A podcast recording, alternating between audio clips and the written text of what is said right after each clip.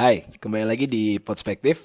Nah, untuk episode kali ini, ini episode-nya agak sedikit beda. Karena biasanya gue kalau ngobrol, gue cuma berdua atau gue sendiri. Kali ini gue nggak sendiri. Dan gue pun juga tidak berdua. Gue total ada 1, 2, 3, 4, 5, 6. Gue berenam di sini. Jadi untuk episode kali ini, gue akan ngebahas tentang politik juga, tapi politik kampus. Itu kampus gue sendiri, Fakultas Hukum Universitas Brawijaya. Nah, eh, ini kalian langsung perkenalan masing-masing aja. Mulai dari lo silakan. Langsung perkenalan aja. Oke, eh, nama saya Reza Ziaul Haq. Mewakili siapa? eh, Eh, dari enggak, jangan mewakili deh. Sebagai sebagai apa? sebagai kader himpunan mahasiswa Islam. Oke, HMI. Lanjut. Ya, saya Martin David Sianturi. Saya sebagai kader GMKI, Apa tuh? Gerakan Mahasiswa Kristen Indonesia. Ya, nama saya Redam Guru Krismantara. Saya dari kader Gerakan Mahasiswa Nasional Indonesia. Nama saya Muhammad Hanif Renanda sebagai kader dari Partai Mahasiswa Pinggiran. Nama saya Destian Putra Naufal dari mahasiswa independen Eva. Oke. Nah, jadi gini nih. eh buat kalian yang dengar ini, gue bukan pengen bikin kayak gerakan baru, enggak. Gue cuma pengen ngobrol-ngobrol santai. Karena sedikit cerita, selama gue hampir eh, tiga setengah tahun lah gue kuliah di FH. Ini cerita dikit ya gue, kenapa akhirnya gue memutuskan untuk bikin ini. Sebenarnya gue tuh malu ke temen gue kalau gue bilang gue FHUB. Kenapa? FHU, FHUI mereka punya Jazz Goes to Campus. FHU 4 mereka punya Kampung Jazz. FHUB kita punya apa? Pemilua yang ribet. Itu alasan kenapa gue mau melakukan ini. Karena menurut gue kita terlalu sibuk ngelihat perbedaan, kita nggak fokus ke persamaan. Nah sekarang gue pengen tahu nih sudut pandang kalian. Gue nggak pengen jawaban kalian politis, gue nggak pengen jawaban kalian diplomatis, gue pengen jawaban subjektif. Kenapa kalian memilih golongan yang kalian pilih? Siapa, siapa yang mau, mau mulai duluan? Silakan. Yang ingin mengawali. Jangan tunjuk-tunjukkan, langsung aja siapa yang mau duluan. Kenapa? Alasan subjektif aja. Ada? Game ini mungkin? Silakan.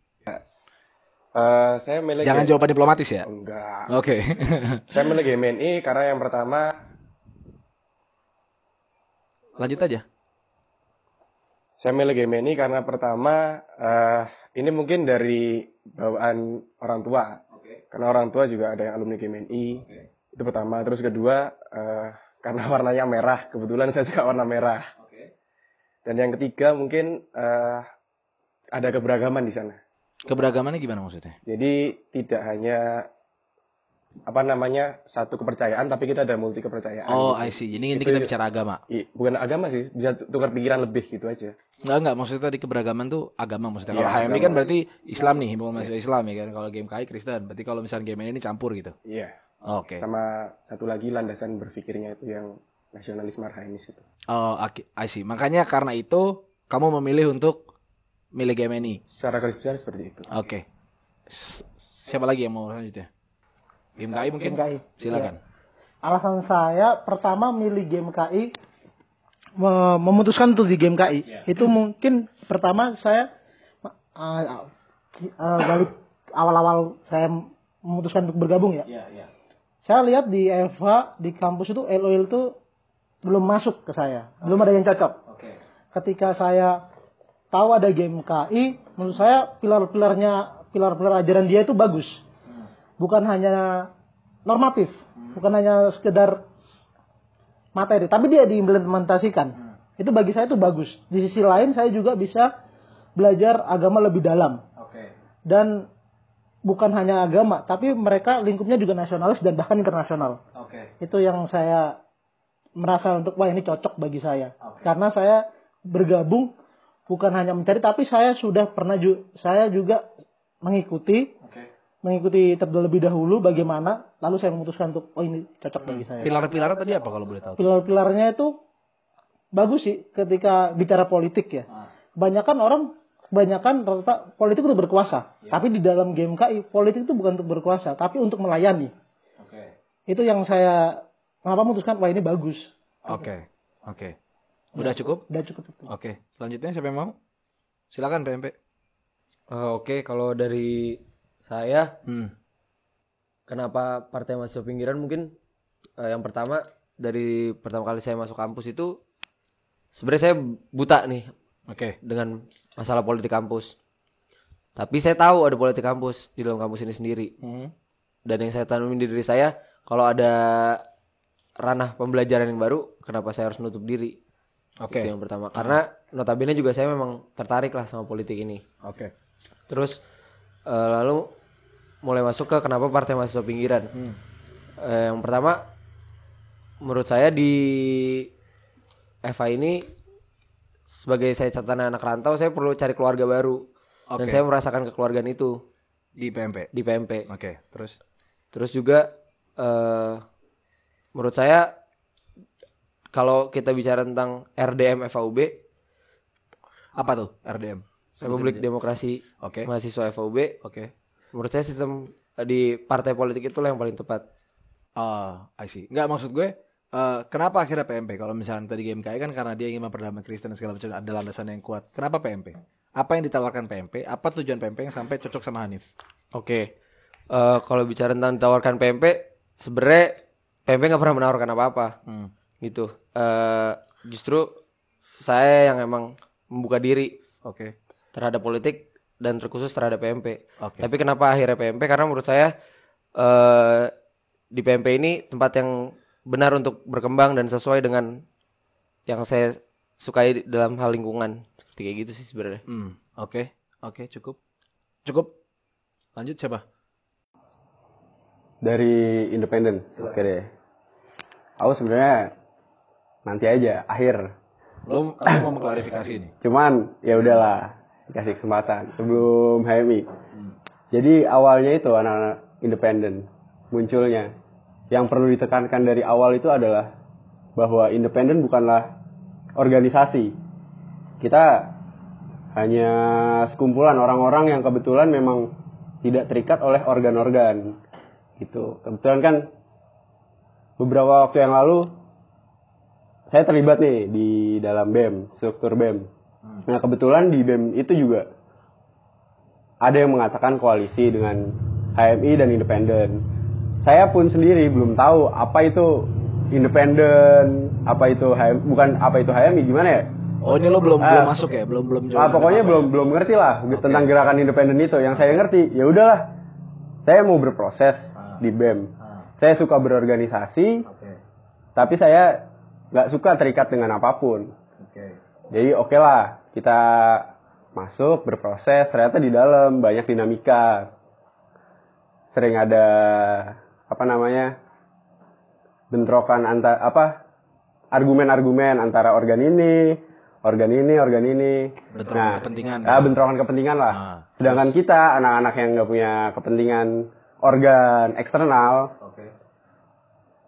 kita nggak ngerti nih harus menyalurkan seperti apa. harus ikut yang mana? Nah, iya kita harus berkubu ke mana kan? Ibaratnya kita juga sendiri-sendiri, setiap kepala beda-beda.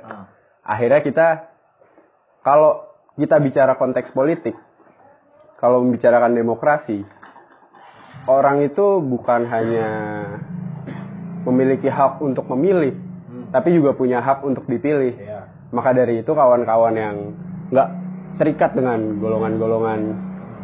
Entah itu organ eksternal, entah itu organ yang di dalam fakultas, ya udah kita bikin gerakan sendiri. Yuk kita apa namanya jalan bareng-bareng. Kita kalau ada yang mau nyalon ya udah ayo kita bantuin kita bareng-bareng kita kaji. Akhirnya setahun yang lalu ya ada muncul nama Adan. Gitu.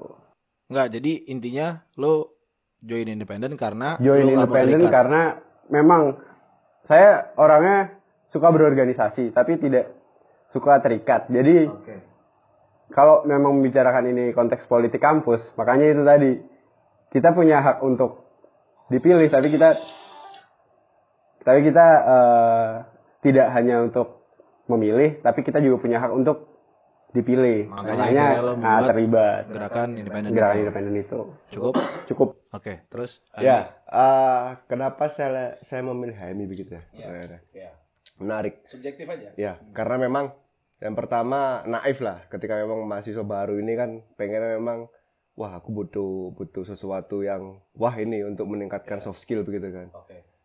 Dan tersedia waktu itu memang banyak pilihan memang antara HMI, PMP, kami. KMN ini masih belum ada waktu itu. Oh iya. Masih masih belum gede lah bahasa. Oke, waktu kita lim- awal maba Ya. berarti. Ya. Dan saya coba selami satu persatu tuh. PMP ini gimana? Terus kami ini gimana? HMI gimana? Dan eh saya akhirnya memutuskan untuk cocok nih kayak HMI ini. Nah, kenapa saya memilih HMI? Karena yang pertama budaya. Budaya di HMI memang diajarkan untuk yang pertama diskusi, sendiri membaca, dua diskusi, tiga aksi. Eh, itu yang saya dapatkan selama hampir tiga tahun ini di HMI. Dan ketika meli- memang melihat eh, dinamika yang ada hari ini, dinamika kebangsaan, dinamika apa pun lah, itu tidak terlepas dari orang HMI yang pertama. Terus yang kedua adalah eh itu tadi diajarkan diajarkan budaya-budaya diskusi, aksi dan eh, berdialektika itu yang yang yang membuat saya ini cocok nih kayak nih saya di HMI sampai sekarang pun mengikuti dialektika yang mengikuti eh, diskusinya ya menurut saya Pak HMI yang ngajari banyak hal tentang aku dan satu hal lagi kenapa saya memilih, memilih HMI karena HMI plural ada beberapa golongan Islam yang masuk hari ini antara an- ah, orang NU juga ada orang Muhammadiyah Tapi selain Islam? ada. Bisa masuk gak sih sebenarnya? Sebenarnya kalau ngomong soal selain Islam pun berproses iya, boleh. Bahkan kita aku cerita dikit soal mundur ke belakang ya, mungkin ya. Soal Tapi jauh nggak kalau kalau panjang tar dulu nih. enggak sih, dik- Oke, dikit doang. Jadi silakan. dulu ada angkatan 2011 itu Hindu Hmm. masuk HMI. Tapi di proses bayat, proses apa bahasanya? Proses sumpah lah, Oke. Nggak ikut dia. Tapi proses untuk di HMI monggo silakan. Oh, oke. Berarti HMI sebenarnya Ya semua iya, agama bisa. semua segmentasi apa pun agama sebenarnya bisa masuk di HMI hari ini. Oke. Oke. Udah cukup? Ya cukup. Nah, ini sebelum kita bahas lebih lanjut, gue pengen nanya ke independen dulu nih. Yang banyak muncul adalah independen dibilang golongan. Tapi gue tahu dari anak independen mereka tidak mau dibilang sebagai golongan. Jadi sebenarnya gimana nih? Tapi ntar gue tanya dulu, menurut kalian independen selain independen ya? Independen golongan bukan? Menurut kalian? Golongan bukan? Golongan. komunitas kalau Oh ya, enggak maksudku tapi eh ya komunitas golongan gak sih? iya iya itu Iya kan? Komunitas orang independen golongan independen. struktur di situ Nah iya nggak maksud gua tapi golongan kan. Nah sedangkan independen sendiri mau nggak dibilang golongan? Sebenarnya. Sebenarnya kalau dari beberapa buku yang sempat saya baca juga, memang mengatakan kalau ya termasuknya ada yang penulisnya dari orang HMI juga, yaitu bahwa independen memang sebuah golongan, golongan orang-orang independen yang tidak terikat oleh organ apa pun, ya orang-orang bebas lah. Nggak ada struktur lah ya. Nah, karena setiap kepala, setiap orang-orang orang-orang itu adalah ya independen. Menurut buku itu kayak gitu disebutkannya. Jadi kita eh terkenal di Eva bahwa independen adalah golongan juga sebenarnya kita nggak mempermasalahkan. Tapi kit- kalau kita dibilang membuat kayak organisasi baru atau gimana, golongan yang secara khusus terbentuk di Eva membuat malah membuat Eva terkotak-kotak itu kita yang nggak setuju. Karena kita anak independen ini gimana ya? Banyak, nggak cuman yang kalian tahu kan yang mungkin beberapa akhir ini terlibat di pemilwa begituan. Padahal tuh ya banyak anak-anak independen tuh banyak, mungkin tersebar di sini, tersebar di sini, tersebar di sini. Cuman nggak ingin memunculkan diri dan terlibat aktif dalam politik kampus kan. Oh berarti lo sebenarnya independen kalau dibilang golongan nggak masalah. ya nggak bisa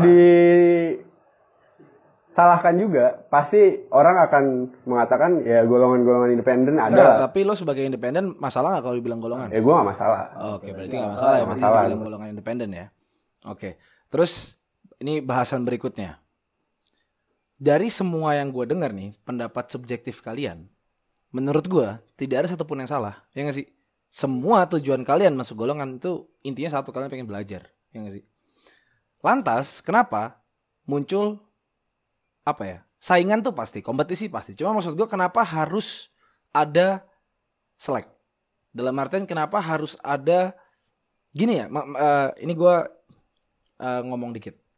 Eh, menurut gue orang tuh tidak mungkin bisa satu pandangan. Ya nggak? Sepakat nggak?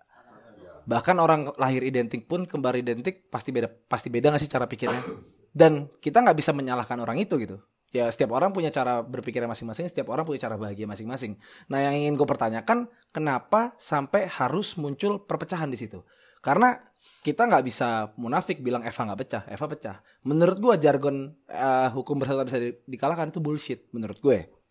Nah, ada yang ngasih ada yang mau ngasih pendapat nggak? Kenapa muncul perpecahan? Kenapa harus muncul perpecahan? Silakan.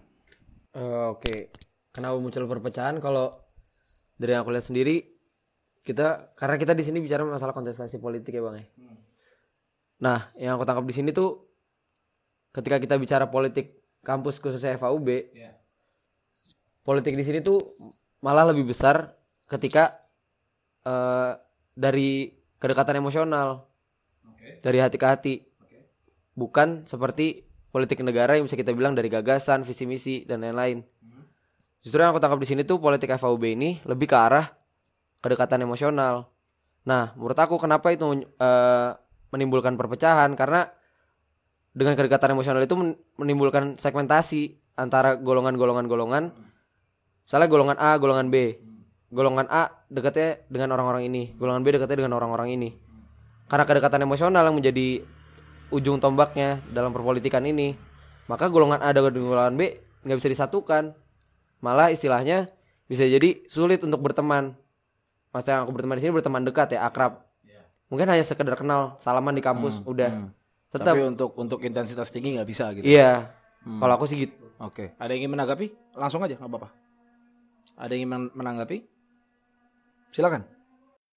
Ada yang mau menanggapi? Jarang-jarang loh kita bisa. Tahu deh gitu. dari anak independen. Silakan. Sebenarnya kalau menurutku pribadi berbeda gagasan dalam politik kampus tuh ya gimana ya bagus sebenarnya nggak masalah malah semakin banyak sudut pandang kan akan semakin baik. Dan kita pun kalau bicara politik kampus maka kita kan beradu gagasan yang baik-baik antara satu organ dan organ yang lain.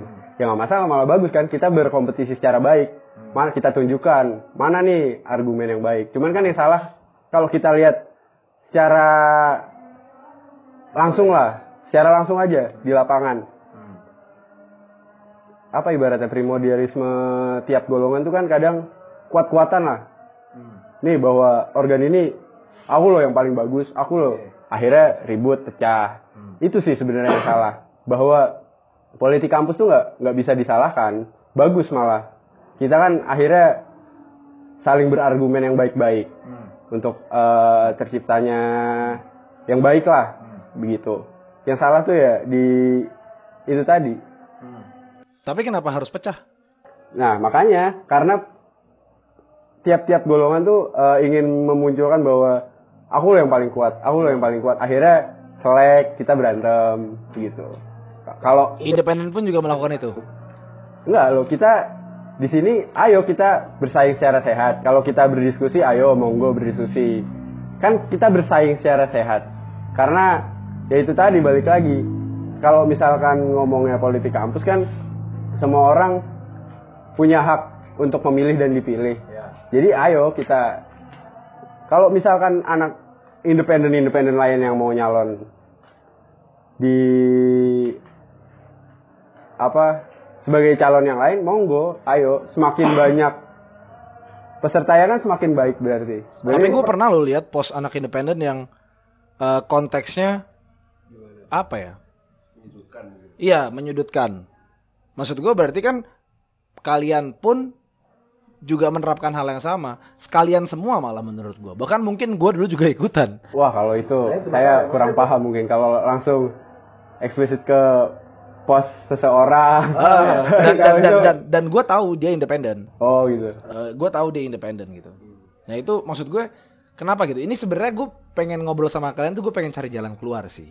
Maksudnya kalian nggak capek apa berantem terus apa segala macem cekcok perkara hal yang menurut gue kayak nggak terlalu penting lah. Toh ya intinya kalian ingin sama-sama belajar, kalian ingin sama-sama mencoba untuk men- apa masuk ke ranah baru. Nah kalian maksud gue ada nggak sih yang punya solusi gimana gitu caranya supaya politik kampus nih Sehat dalam artian sehat adalah ketika kalian bersaing bersainglah pada saat pemilwa. Kelar pemilwa udah biasa aja. Kalian temenan lagi. Ada yang punya solusi nggak? Eh gatal, gatal nih, gatal nih. Siapa yang pengen ngomong? Enggak, lu ambil dulu. Eh, silakan, silakan. Aku mau nanggapi eh, kawan sebelah sana, kawan teman-teman MB dari Hanif. Ya, Anif. Ah. Menanggapi bahwa seharusnya ini dibentuk atas sistem keluargaan. Ya, sebenarnya saya sepakat beberapa eh beberapa apa banyak beberapa segmen. Cuman maksudku konteksnya adalah ketika memang kita ngomongin politik kampus adalah kita belajar bernegara di miniatur yang lebih kecil. Iya, sepakat gue. Lah ini kan Hmm. kalau ngomong politik kampus sekarang ngomong gagasan lah.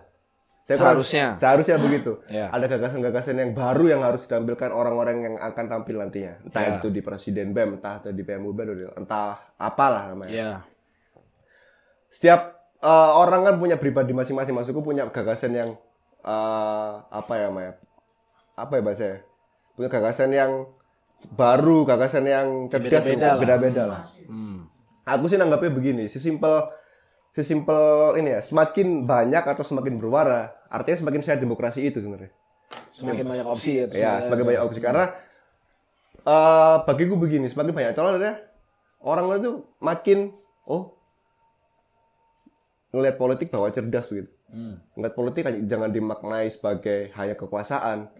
Ngelihat politik ya semua sendi kehidupan hari ini berpengaruh dengan politik loh. Iya, memang. Kan begitu. Itu udah gue bahas di podcast gue yang Nah. ada. Kalau kalian dengerin ya, kalau kalian belum dengerin kurang ajar berarti. Cuman bukan solusi, maksudku begini. gimana gimana? eh saya berpikiran iki kalau chaos terus sih kono BEM kono DPM ya apa iki. Iya kan. Pertama. Tapi digila kan itu kan. Bakal merubah konstitusi yang ada begitu kan. Iya. Terus yang kedua, pakai sistem musyawarah. Itu yang sering sering sering apa ya? Saya saya memaknai musyawarah bahwa oh founding father kita loh menentukan negara itu Oni Vander ini siapa nih? ya Soekarno, iya. eh, Muhammad Yamin dan kawan-kawan lah dalam BPK, BPPK itu bilang bahwa "Oh, mereka lo pakai musyawarah. Ya. Kok kita nggak bisa begitu loh? Lah aku pakai pakai sistem sebenarnya ini cocok diterapkan di FUB. Kita musyawarah mufakat. Calon-calon yang maju dari golongan apa, partai apa atau mana pun, ya musyawarah mufakat aja, digodoknya di situ. Itu jauh lebih sehat maksudku. Ketimbang ya hari ini kan kita pakai eh, mekanisme e-vote kan. Ya. Ya di sisi lain memang itu bagian dari demokrasi ya. Cuma di sisi lain itu yang menurutku apa ya? Bukan wastitem juga, bukan. Apa ya? Ya proses juga. Tapi solu- solusinya adalah yo kono pengen kono TPM gak pengen ono chaos. Enggak lah, maksud gue cuman menurut gue itu solusi yang agak ekstrim. Iya. Dalam artian kita uh, harus musyawarah mufakat gitu. Iya. Padahal menurut gue kalau kita hanya bergantung musyawarah mufakat nggak akan dapet. Karena yang tadi semua orang punya punya kepentingannya masing-masing gitu. Dapat itu nggak maksudku begini. Aku cuman mau komentari ini kalau kita bandingkan ya maksudku ya, komparatif dengan beberapa univ itu termasuk BEM dari Unair pakai musyawarah mufakat untuk menentukan apanya presiden. Oh ya? Iya. Antara semua da- dari Iya. semua golongan. Iya. Dan mufakat itu. Mufakat. wow. Digilir Jadi- apa gimana tuh? Digilir apa gimana?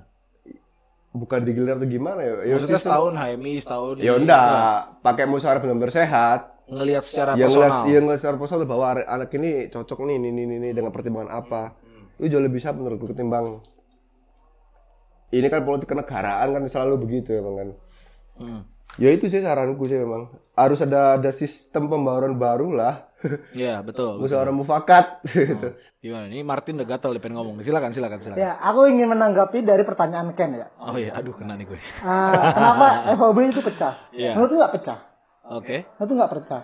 Kita harus sepakati dari awal kalau sistem negara Indonesia itu sistem demokrasi. Ya dong, sepakatin ya kan. Itu sistem demokrasi. Cuma orang-orangnya mungkin belum berbudaya demokrasi. Oke. Dalam artian begini, artinya begini. Berbeda pandangan itu wajar, bagus. Iya, Karena karena eh, keberagaman itu adalah apa ya? Eh, kede- Iya, keberagaman itu bagus gitu loh. Jadi aku nggak aku nggak pernah saya juga saya saya pribadi nggak pernah menyalahkan atau nggak ada ada ada organisasi lain atau ada ada kelompok-kelompok lain yang muncul dalam kontestasi politik kampus itu bagus menurutku karena uh, lebih banyak uh, lebih lebih banyak sistem-sistem baru, progres-progres baru itu bagus gitu loh. Jangan jangan di- dikatakan pecah enggak, itu budaya demokrasi gitu loh. Nah, kalau itu kalau menurut Reza yang tadi yang katanya Reza yang HMI uh, memilih pemimpin dengan cara berdemokrasi, musyawarah, itu iya itu memang bagus. Tapi itu kan dalam satu HMI menurut saya pribadi ya, itu kan gagasannya sama mereka. Iya, satu Ya, satu sudut pandang. Satu sudut pandang. Iya, iya. Jadi ya wajar dong kalau mereka ber bermusyawarah terus. kalau beda sudut pandang beda, susah. Iya, beda, beda sudut pandang kan. Ya otomatis sistem paling terakhir itu e-food. Iya. Anda mau iya. menanggapi? Silakan. Ini berhubung dua senior saya dulu di kementerian ya. Iya, ini seru banget kayak ILC guys. terus terus silakan. Saya sepakat ke dua-duanya, tapi gini, yang harus ditingkatkan sebenarnya kalau di Eva terkait pembicaraan itu kedewasaan. Nah, Gimana saya tuh melihatnya Eva itu masih belum dewasa dalam menyikapi politik kampus, masyarakat. Mungkin termasuk Masyarakat. Evanya ya? Masyarakat Evanya. Mereka menganggap kemenangan itu sebagai hal mutlak, padahal juga enggak. Padahal meskipun katakanlah kalau kalah, kita pun masih bisa berproses di lainnya Betul. masih kita masih bisa ngadain diskusi-diskusi sendiri kita ngundang teman-teman sendiri itu masih bisa tidak Iya. melulu eh, kalau apa namanya kalau kita tidak ada di PM kita ada di PM eh, kita nggak bisa ngapa-ngapain enggak nah itu ya Hmm. mungkin kesadaran eh, masyarakat di Eva kurangnya di situ kalau Hmm. menurut saya sih seperti itu Gitu. Oke. Ada lagi yang ingin ingin menanggapi? Sebelum gue menanggapi statementnya Martin. Karni Ilyas banget gue nih. Ada Anif mau menanggapi? Enggak. Nah, gini Tin, kenapa gue bilang Eva itu pecah? Maksud gue, gue dari maba nih. Gue tuh dipaksa untuk memilih salah satu. Maksud gue ketika gue milih salah satu, gue nggak bisa bergaul sama yang lain. Angkatan kita tuh 600 orang, Tin. Gue kenal nggak nyampe 100. Eh, maksudnya yang gue teman deket ya nggak nyampe 100. Eh, dia 100 lah paling mentok. Maksud gue kenapa gitu? Eh, karena menurut gue, ini gue sudut pandang gue ya. Gue nggak mau searogan itu. Gue nggak tahu siapa yang bakal sukses ke depannya. Sombong banget. Gue nggak mau temenan sama yang lain gitu. Siapa tahu ntar kalau ke depan gue butuh, taunya orang lain yang bisa bantu. Tapi gue nggak kenal cuma perkara beda politik. Anjing banget gitu. Nah maksud gue itu loh. Kenapa kita yang seangkatan 600, gue cuma kenal sekian. Cuma perkara beda politik gue ditarik ini gue cerita dikit gue dulu ditarik sama sama si A tarik sama si B akhirnya gue memilih untuk tidak dulu ya waktu maba ya. Gue memilih untuk tidak karena gue nggak mau ketika gue memilih salah, salah satu berarti saya bakal jadi lawan gue gue nggak mau nyet. Gue nggak mau jadi manusia arogan yang gue percaya enggak gue bakal sukses sendiri. Enggak anjir. Kita cuma secercah upil lah maksud gue itu kayak sombong banget. Kita tuh makhluk sosial kita butuh orang lain. Nah makanya kenapa gue bilang pecah tuh karena kayak gitu. Dan satu lagi faktor yang kenapa gue bisa bilang bilang pecah. Seharusnya kayak contoh pemilu kelar nih harusnya udah balik lagi gak sih normal lagi? Lah ini tuh enggak suasana beda politiknya itu masih masih kerasa banget masih kental gitu loh. Ya nggak sih? Ka- kalian semua merasakan kan? Masih kental gitu. Nah itu yang gue benci dari FHUB itu. Kenapa gitu kalian harus mungkin gue termasuk kali ya kenapa kita harus norak? Kayak ya udah gitu lu digaji juga kagak lu juga nggak nggak ngaruh ke apa pun. Tujuan kita sama gitu loh. Nah yang gue pengen tanya tuh gini kenapa lu nggak masuk HMI aja uh, GMNI kenapa lu nggak masuk HMI kenapa saya nggak masuk ini iya apa lu dulu nyari tahu dulu apa gimana Eh, sebenarnya saya kenal game ini dari SMA. Oke. Itu yang pertama. Oke. Eh, poin kedua saya dulu sempat ke kaumnya HMI, sempat ketemu juga sama senior-senior yang lain. Tapi karena itu tadi yang namanya saya mungkin lebih subjektif banget ya. Namanya perasaan itu nggak bisa bohong. Saya lebih nyaman sama yang satunya meskipun game ini dulu belum ada. Karena game ini kan barusan setahun di FVUP. Jadi gitu. oh jadi tapi lo sempet nyari tahu HMI dulu ya Sempet, akhirnya lo lebih nyaman sama GMNI nyaman sama gagasannya atau sama orang-orangnya eh lingkungan teman-temannya karena juga eh, satu tongkrongan terus kemudian sama gagasan-gagasannya kemudian eh, satu frame lah sama ada apa yang ada di rumah saya Iya. Aha. Eh bentar tuh dicek dulu itu masih nge-record apa enggak? Masih record. Coba buka dulu. gue takutnya ntar nggak record. Masih ya? Oh ya udah. Nggak maksud gue gini. eh menurut gue hampir semua golongan tujuannya sama lah ya nggak sih? Tapi yang gue berusaha kulik tuh kenapa kalian akhirnya memilih golongan tersebut? Maksud gue sup- supaya katakan ada angkatan baru lah yang denger podcast ini. Nah ini cerita sedikit juga. Banyak gak sih, misalkan kalian dulu waktu ikut pemilu, banyak gak sih orang yang tidak memilih? Ada kan? Ya. Dan itu besar nggak sih angkanya? Besar. Nah, menurut kalian kenapa? Ada yang mau ber- berpendapat? Kenapa menurut kalian angka yang tidak memilih itu besar? Karena begini ya, pertama bahwa itu tadi orang-orang sudah muak lah masuk kan. Wah, gimana? Ini ini ini terus, ini lagi golongan ini, golongan ini. Ya soal soal yang pertama apatis itu susah memang. Menghilangkan keapatisan seseorang itu susah. Karena tadi nggak ada nggak ada nggak ada apa nggak ada sesuatu something new lah.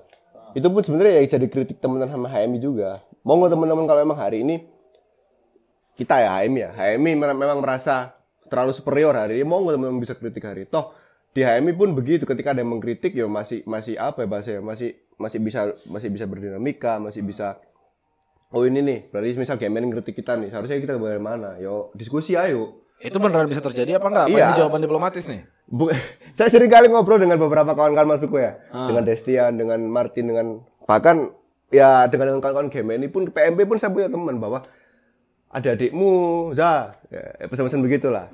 Wah HMI sih sebenarnya apa sih ya aku jelaskan bahwa di HMI begini. Dinamika terus. Jadi eh menghilangkan apatisme mahasiswa FOB itu sebenarnya susah No, gue bukan nanya perkara gimana cara menghilangkan apatis. Gue pengen nanya kenapa orang itu apatis. Menurut kalian. Karena gue punya sudut pandang gue sendiri kenapa orang apatis. Gue pengen nanya kalian dulu kenapa kira-kira orang itu apatis. Alasannya. Silakan. Oh ini baru by the way ya. Ini temennya Hanif. Perkenalkan diri dulu. Tadi kan lu belum perkenalkan diri. Ya. Silakan. gue cuman ini mungkin kalau tadi pertanyaannya masalah kenapa kenapa orang itu apatis Iya. Kenapa bisa ada orang yang apatis? Kenapa dan itu jumlahnya besar? kalau kenapa orang apatis itu mungkin ini bisa ditarik dari beberapa faktor nih Hmm. pertama dia faktor pertama cuma dia cuma kan butuh akademisnya doang Oke. butuh akademis doang di FOB ini Oke. kedua mungkin dia nggak dapat impact apa dari fungsi BEM dan DPM ini Oke.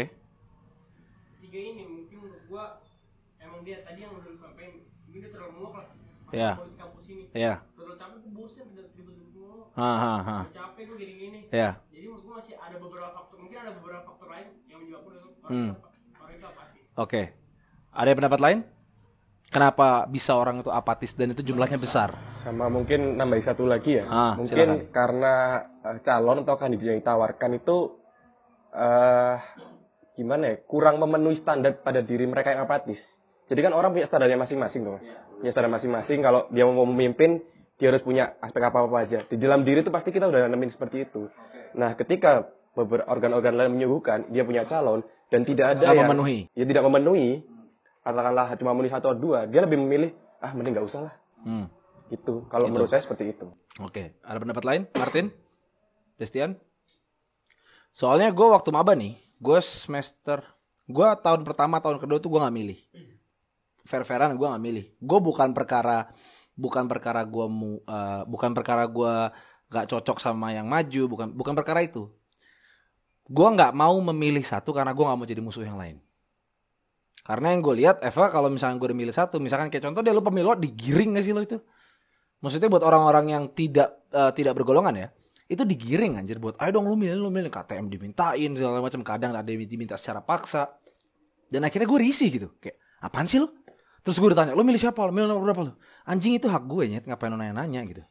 Nah maksud iya, nah maksud gue kayak apaan sih? Lu ngapain? Kalau terus kalau gue nggak ada nih dulu waktu gue semester semester satu KTM gue diminta, gue nggak ngasih. Terus gue dibilang, ah lu golongan ini lu golongan ini kayak apaan sih? Gue cuma nggak pengen ngasih KTM, KTM KTM gue. Nah itu loh, maksud gue sudut pandang orang yang apatis, menurut gue itu bukan cuma perkara itu, tapi ya karena apa ya? Faktor eksternal juga kan. Iya, ri- risih lah. Gue itu risih dulu kayak no- norak banget sih ini orang-orang nih. Gitu loh. Nah, maksud gue bisa nggak sih ini kita kalian ya kalian menemukan satu eh apa ya? Satu algoritma atau satu rumusan baru supaya kalian ini supaya orang yang apatis apatis ini bisa tidak jadi apatis. Maksudnya kita nggak bisa, kita nggak fair kalau kita cuma lihat akibatnya. Kita cuma ngeliat, oh ini orang apatis nggak peduli sama Eva nggak bisa. Kita harus lihat penyebabnya juga. Kenapa dia bisa apatis? Nah maksud gue kalian bisa nggak kira-kira um, menemukan solusi sekarang nih kita bicara sekarang kita ngobrol solusi. Gimana caranya menurut kalian bisa membuat orang yang tidak apatis ini jadi jadi jadi jadi eh sorry orang yang apatis ini bisa jadi tidak apatis, bisa jadi care sama politik kampus, bisa jadi care. Dia merasa kayak oke suara gue berpengaruh, oke politik kampus itu penting. Bisa nggak? Kira-kira ada yang punya solusi nggak? Atau pendapat apa pun lah, terserah. Ini kita ngobrol santai aja ini.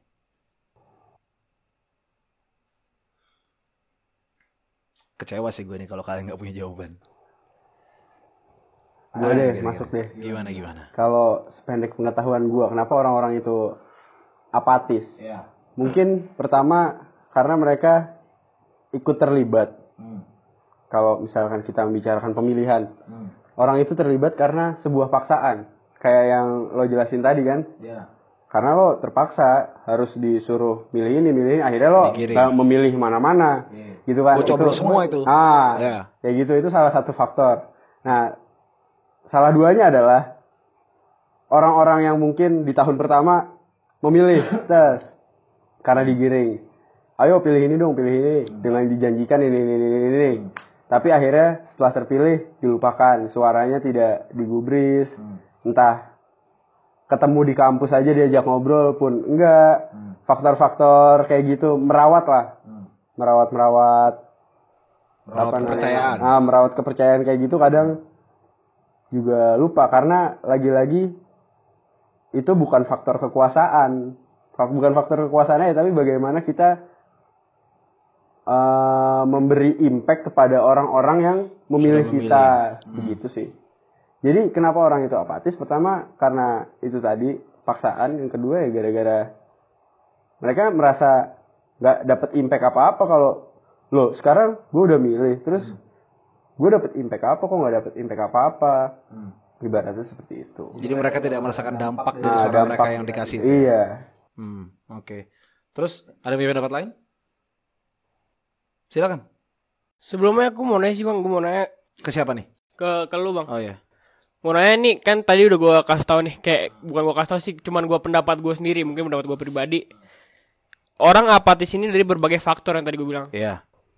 Ini yang gue maksud pertanyaan lo, bagaimana sih cara orang yang nggak apatis ini jadi masuk dalam dunia politik Yang ini? apatis jadi care gitu. Ya jadi care sama dunia politik ini. Maksud gue dari faktor yang mana nih? Dari faktor yang dia emang gak merasakan impact dari BEM DPM atau emang dia emang cuman yang fokus ke akademisnya doang mendapatkan gelar doang di FOB ini atau emang dia karena takut karena dia bosen dengan keributan di FOB ini. Semua, semua. Karena gini, gue dulu apatis bukan karena gue cuma ngincer akademik.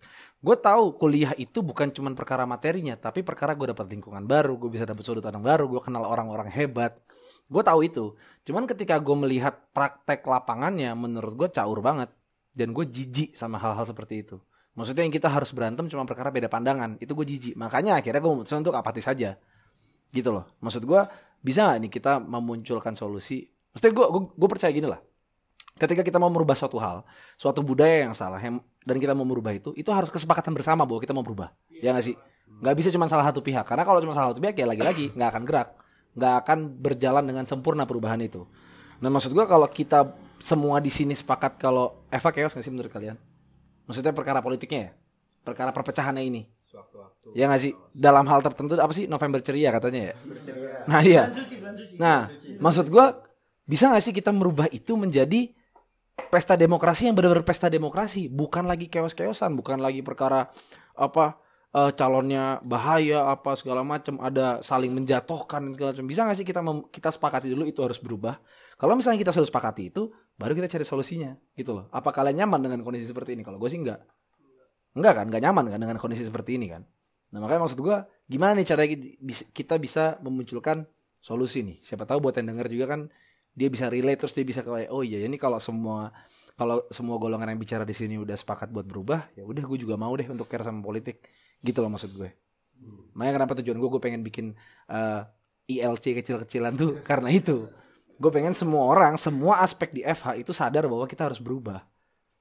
Gimana caranya? Makanya ini gue pengen megang pala-palanya nih. Maksudnya perwakilan dari kepala-kepalanya yang kalian gue mau menyalahkan kalian semua. Kalian semua adalah penyebab perpecahan di FH Asli. Enggak, enggak, enggak, enggak. Kalian semua, kalian semua. Termasuk pun gue.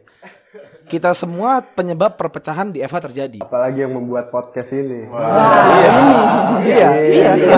Gue juga berperan. Makanya itu sekarang gue mau bertanggung jawab. Kita harus cari solusi.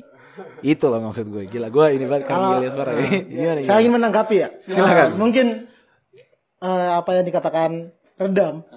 Aku bilang mungkin faktor kedewasaan. Iya, tua itu kan pasti. Dewasa itu pilihan. Betul. Nah, buat Martin. Martin Teguh. Martin Luther King. Nah, aku, ah, saya tadi kan udah mengatakan sistem ini- sistem negara ini udah demokrasi, tapi orangnya belum ber- belum berbudaya siap untuk nah, demokrasi. Maka kalau dikatakan pecah juga enggak, ya kan?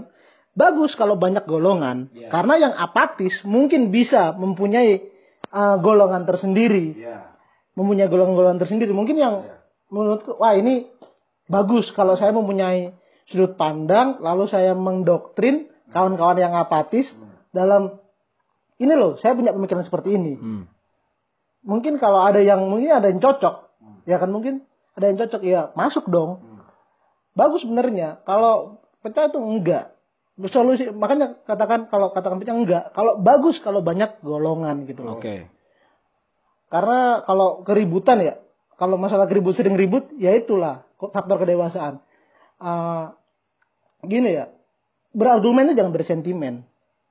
Oke. Banyak kan sekarang kan kalau kita beda sudut pandang, sen- sentimen yang ada. Iya.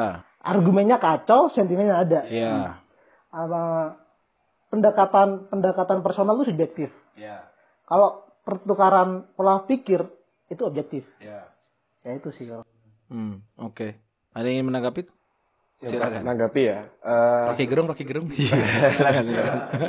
Sebenarnya kita harus eh, kita tarik ke atas atas dulu karena yang harus kita lupakan adalah sebelum kita mau damai itu tragedi-tragedi masa lalu itu nggak usah diungkit lagi itu yang pertama karena itu kalau semakin diungkit semakin menyakitkan hati satu atau Betul. dua golongan Itu gue setuju. Akhirnya muncul. Terus. alhamdulillah itu pertama terus omongan itu kedua muncul. eh, saatnya eh, mungkin bukan angkatannya Mas Reza bukan angkatannya Mas Mani juga bukan angkatan saya tapi semua angkatan itu mencoba berembuk lagi. Gimana caranya kita ciptakan pemilu yang tidak saling menjatuhkan kita ciptakan eh, politik di kampus ini yang nggak usah lah pakai chaos.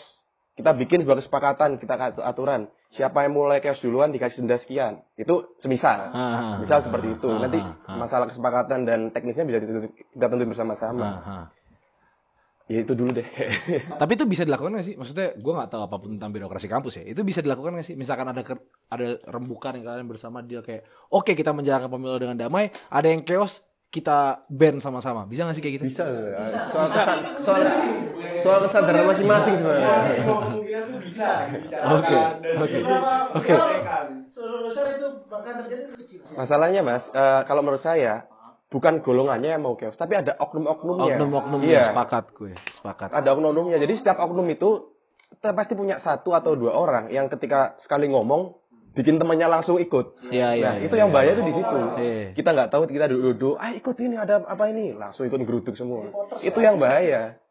Jadi harus ditekankan kepada eh, oknum orang-orang yang di dalam golongan-golongan ini nggak usah lah kayak gitu. Kita biasa aja. Ini cuma kontestasi biasa, cuma di kampus.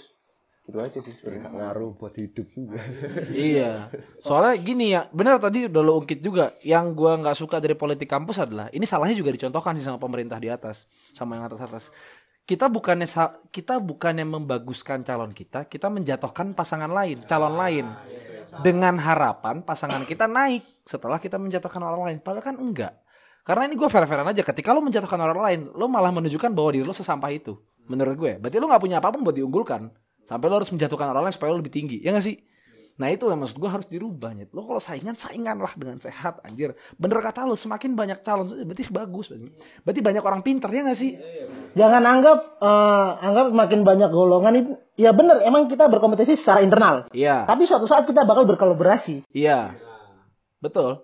Makanya gue tuh sebenarnya pengen pengen me apa ya merealisasikan jargon Eva yang yang selama ini cuma jargon doang. Kita nggak kita nggak live by that words gitu loh. Eva apa hukum bersatu tak bisa dikalahkan. Bullshit anjing selama ini. Kalau pemilwa mana ada hukum bersatu anjing. Hukum bersatu sesuai golongannya iya. Aku nanggapi begini sih. gimana?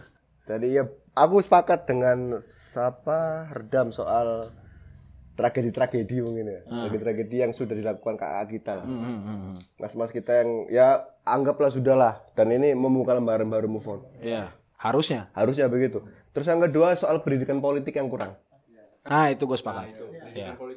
Iya. Nah, teman-teman kan memang ya itu tadi kenapa muncul apatisme karena memang nggak tahu, Iya. nggak ada pendidikan politik yang jelas gitu kan. Dan takut untuk mencari tahu ya. Ya, takut untuk mencari tahu dan aku yakin lah masing-masing staf organisasi ini punya punya pakem masing-masing lah, punya Iya. tujuan dan punya ideologi masing-masing lah aku yakin. Dan itu memang hari ini kurang terasa di orang-orangnya bukan golongan kita. Dan merasa nggak itu kak? Dalam penyampaian misi maksudku ya, penyampaian gagasan atau penyampaian apa pun lah itu soal organisasi kita, nggak nyampe ke teman-teman yang apatis itu tadi. Ya ini memang kalau ditarik lebih jauh lagi ya soal pendidikan politik yang kurang. Maksudku apa ya HMI, GMNI atau teman-teman yang lain ini bukan untuk ya murni ngomong politik toh ya enggak kan. Kita kan juga punya masing-masing di luar politik ya soal akademisi yang bilang di- dibilang sama teman PMP, terus soal gagasan ideologi yang dibilang teman GMNI. Jadi enggak murni ngomongin Politik. toh ay. Tapi yang lebih penting adalah itu tadi pendidikan politik teman-teman. Itu kan kalau teman-teman baca ya karena memang saya eh, dari mahasiswa tata negara kenapa efeknya ini sampai ke bawah-bawah karena atas-atas ini termasuk partai-partai politik besar ini nggak nggak nggak ada nggak punya tujuan tujuan pol- pendidikan politik yang jelas gitu loh ke kader-kader partainya. Ya. Ya kita lihat kita sudah bosan dengan Jokowi Prabowo begitu kan muncullah Dildo kan kayak gitu. Nah Hadialdo, Nur Hadialdo lebih. dildo begitulah akhirnya kan muncul stigma bahwa itu ya wis muak lah orang-orang itu. Karena masing-masing partai politik ini kalau kita bicara tarik ke atas masukku ya tidak tidak tidak apa tidak menjalankan fungsi pendidikan politik itu dan seharusnya kita sebagai di organisasi mahasiswa ini ya seharusnya melakukan itu bottom to up up to bottom Nah, sekarang kalau kita bicara pendidikan politik tanggung jawab siapa? Aku mau tambahan lagi. Silakan, silakan, silakan. Boleh, Oh, boleh. mau tambahan tadi sih. Aku sepakat sama yang dibilang Bang Redam, Bang Reza. Reza, Hmm. bahwa emang dibutuhkannya adanya yang tadi bilang Bang Reza, eh Bang Redam ya, yang melupakan masa lalu, Iya. lalu ada pendidikan politik. Sama tadi tambahannya yang tadi Bang Redam sempat bilang bahwa di saat emang ada bikinnya chaos, itu lebih ke dikenain hukuman, dikenain apa, dikenain sanksi lah terhadap suatu golongan tersebut. Nah, di permasalahannya sekarang kita di saat pemilu ini berdiri berdasarkan independen, independensi. Walaupun basic kita memang golongan. Nah, Sekarang aku mau tanya sih, di saat emang semisal nih ada suatu golongan yang bikin chaos, hmm. yang mau dikenain sanksi siapa? yang mau dikenain apa yang mau ngenain?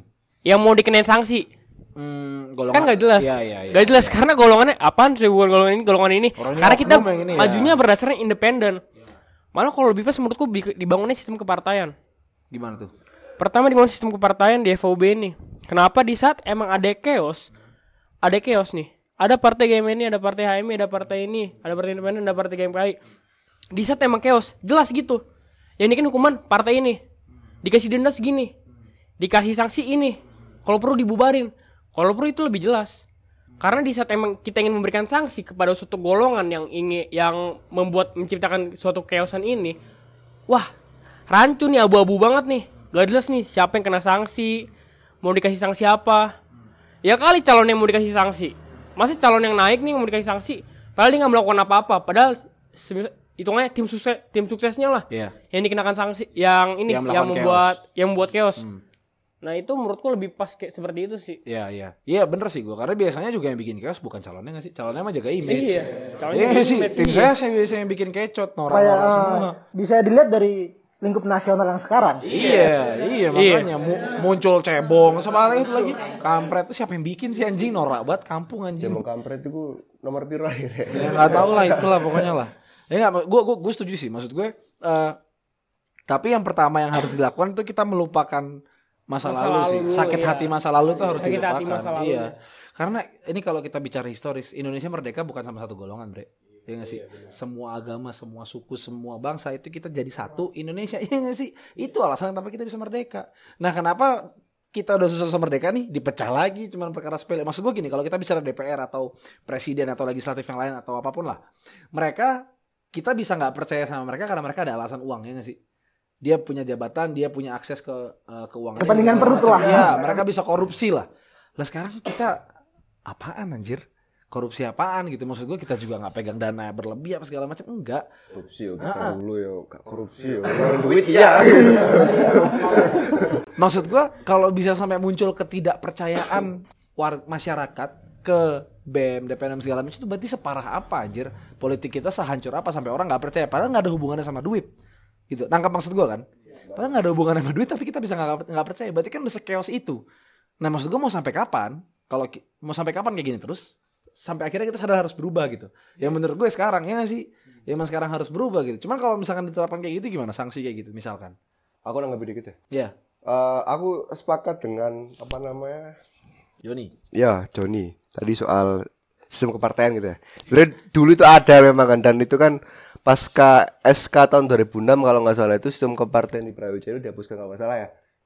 SK Dikti Bukan. Oh, rektor. SK rektor pembubar bukan pembubaran Mas. Maaf, saya nggak tahu. Ya pokoknya partai mahasiswa lah yang ada di di Brawijaya ini sudah tidak ada. Karena UNER setauku sistem kepartaian bukan sih bang? Kalau UNER? Ya, UNER, UNER sistem UGM, kepartaian. Iya, itu maksudku. Kepartaian. Maksudku ya itu tadi untuk menjalankan fungsi pendidikan politik ya harus ada ada ada yang mewakili berarti kan? Iya. Contohnya ya partai itu. Maksudku nggak ngomong PM nggak ngomong apa, cuman maksudku agar keterwakilannya lebih jelas dari organisasi ini. Jelas dari mana gitu. Ah, ah, jelas dari KMN, jelas dari kami atau jelas dari mana pun lah. Dan yang dikenakan sanksi juga ntar jelas gitu. Nah, itu yang pertama. Terus yang kedua itu tadi kalau mau mau, mau ngerubah dari mananya, aku ya masih sepakat sebenarnya. Aku orang yang paling sepakat ngomong sistem kepartaian di EVA sebenarnya. Oke. Karena memang jelas keterwakilannya ini dari partai mana. Dan itu lebih meraup suara swing voter. Swing voter itu gimana? Swing voter itu kayak orang-orang yang Apatis. ya apatis, orang-orang yang nggak tahu, orang-orang yang ya bahasa buta lah. Iya, iya. Dengan melihat bahwa partai ini bisa membawa visi yang jelas, misi yang jelas, ya akhirnya maju. ya kalau mau memang ngerubah apa pun, aku aku sepakat sih dengan sistem kepartaian. Cuman maksudku harus dikrit lagi sistem kepartaian se- sebagus apa sih yang yang yang memang dibutuhkan teman-teman di Eva ya kalau memang ini lingkupnya Eva kan gitu kan agar jelas maksudku nanti KPM ini kan tugas KPM juga sebenarnya tugas tugas Komisi Pemilihan Mahasiswa nanti yang mengordinir semua semua partai untuk berkonsultasi di Pemira, eh di Pilwa ya DPM dan Presiden BEM itu lah. Lah terus, independen apa kabar? Kalau memang dibuat sistem kepercayaan, ya monggo. Mungkin teman-teman di luar sana kan di sini gue sebagai independen ya sebagai desian gitu aja lah. Iya. Sebagai mewakilkan orang-orang yang tidak memiliki organisasi eksternal. Terus bawah-bawah lu gimana? Sistem kepartaian ya terserah mereka memilih partai mana yang menurut mereka cocok. Kalau mereka minta kalau mereka minta lu untuk bikin. Wah, kalau itu mohon maaf saya ingin lulus dengan segera. mohon maaf.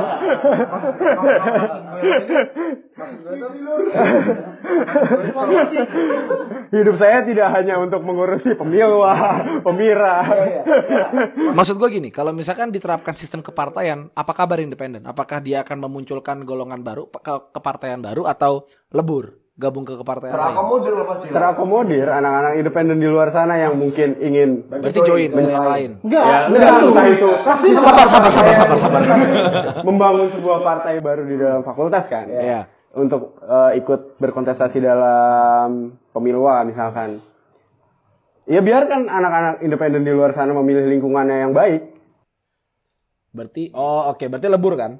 iya Ini sebelum kehapus nih, snapgram gue semoga belum terhapus. Anjing, udah kehapus lagi. oh pertanyaannya di sini Iya, kita lihat belum belum belum gue screenshot. Nih, gue pengen bahas pertanyaan masyarakat FH nih. Tapi nggak gue screenshot, tolol banget gue anjing, anjing. Mana ya? Ada nggak screenshotnya? Aduh nggak ada. Ya udah. ya itu gua- sih aku aku sih menanggapi bahwa di, eh, ini selalu pribadi ya bukan sama organisasi bahwa bilang, eh, eh, sehat secara demokratis dan sehat secara berpolitik ketika memang kita punya keterwakilan. Independen boleh. Ya aku nggak ngomong maksudku ini tataran tataran nasional ya. Independen pun ya nggak apa-apa maju kan. Cuman kan makin ke sini kan teman-teman bisa baca. Maksudku kalau semisal teman-teman bisa bisa bikin sistem kepartaian hari ini ya semisal dia dia, dari kita lah bahasa kan. Karena kan ya ketuaan aku kalau bikin kan. Itu bisa menyontoh undang-undang pemilu lah itu bagaimana mekanismenya bagaimana berapa persennya itu diatur. Ya soal parliamentary threshold ya itu diatur semua. Kalau memang teman-teman serius dan niat untuk belajar berdemokrasi yang jelas. Karena ya kalau ngomong pakem kita udah, udah punya pakem sebenarnya ngomong tentang pemilu, Bos. Begitu loh. Jadi ya itu tadi agar fungsi saluran pendidikan politik jelas dan terarah maka dibutuhkanlah partai kayak begitu kan. Ya kan hari ini kan sering dikotomi kan bahwa HMI ini partai apa sih apa organisasi sih? Ya aku mau organisasi bukan partai HMI ini. Termasuk Gemen ini begitu. Gemen ini partai apa organisasi sih? Yo, organisasi bos bukan partai. Jadi Ah.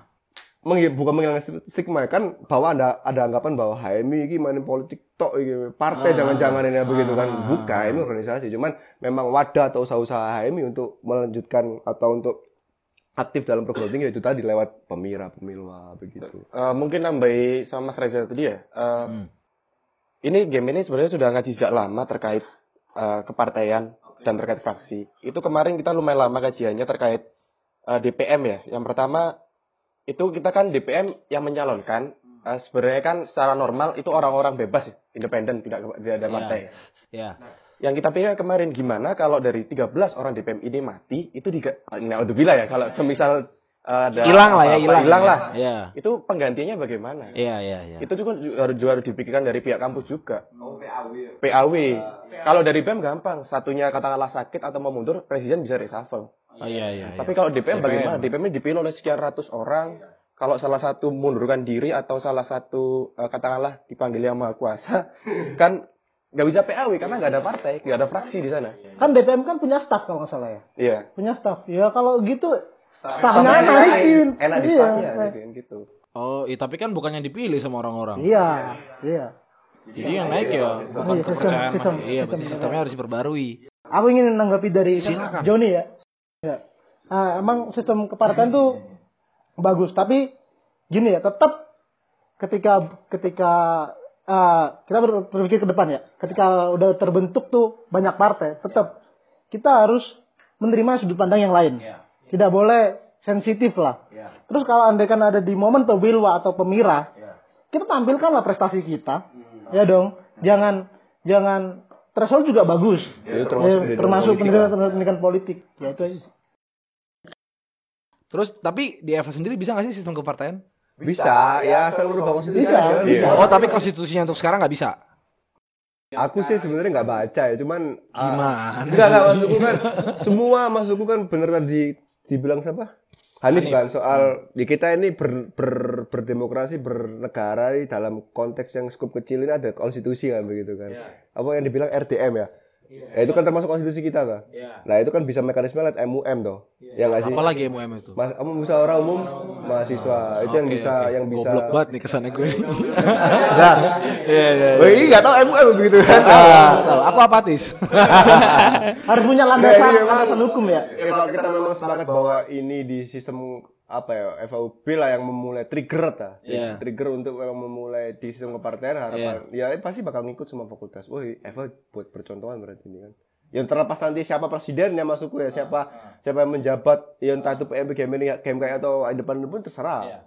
Nah, maksudku ini menjadi salah satu yang pertama bisa menjadi salah satu kedewasaan politik, gebrakan baru, Harusnya. terus pendidikan politik tersalurkan, terarah.